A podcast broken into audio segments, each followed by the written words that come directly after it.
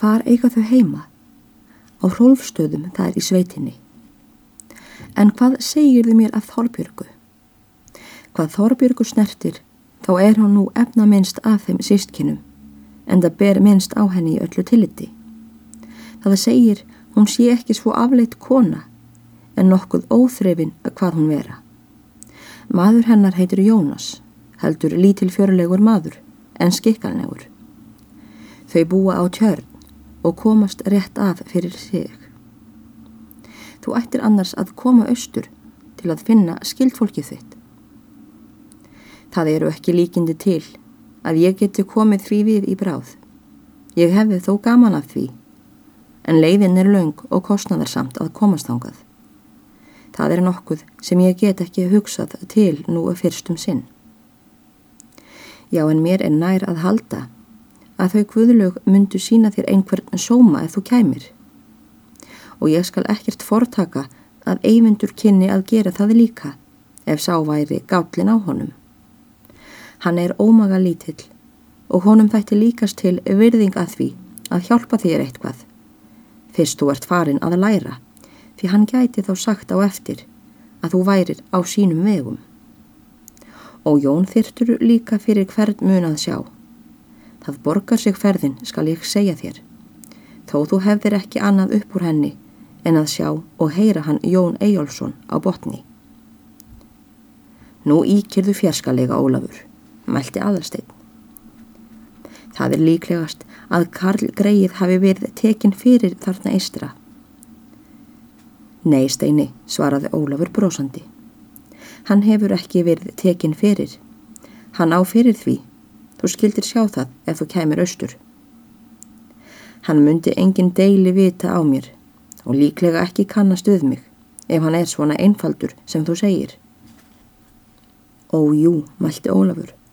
Ég skal segja þér hvernig þú skalt hafa það ef þú ferðast austur núna bráðlega. Fyrst kemur þú til mín og verður nótt. Ég rýð svo með þér til sistkinnanna. Meðal annars komum við að botni og þá segi ég Jóni að ég sé komin með frænda hans og verði hann að taka þér vel. Síðan spila ég hann upp til að gefa okkur og sjálfum sér í staupinu og þá vona ég hann fari að lagast.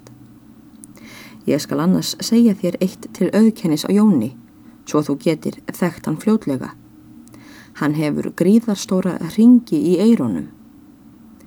Ringi í eironum? Já, eir ringi afar stóra. Og af þeim getur þau þekkt hann undir eins og þú sérð hann. Soliðis stendur á þeim að það kom hérna um vorið maður að botni, allra mesti spilagósi, Jens að nafni. Og hann seldi Jóni ringana fyrir hátt verð og sagði að í þeim væri mannheima gull, fjarskalega dýrmálmur og fágætur að hann sagði. Og besta lif með gikt í handleikjónum ef þeir væri borðnir í eironum.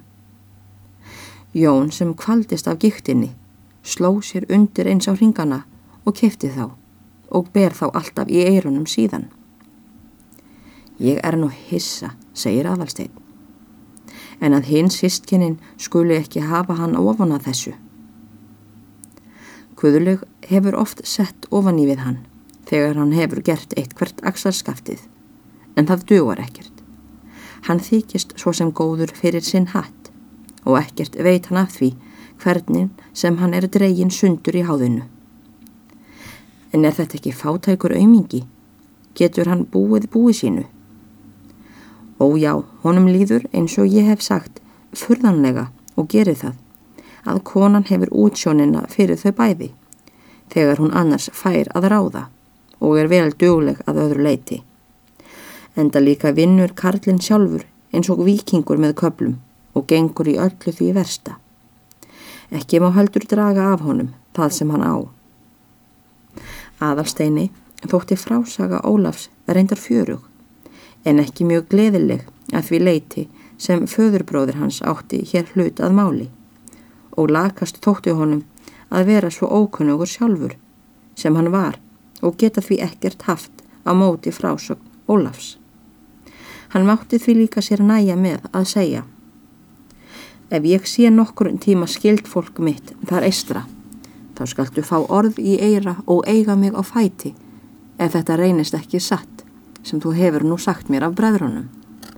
Og ég vona að ég geti rekið á þig stampin með eitthvað af þessu, sagði aðalsteinn brosandi.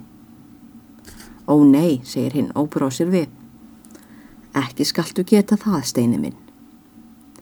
Ólafur stóð nú upp af begnum sem hann hafði sest á og tók að ganga um gólfið.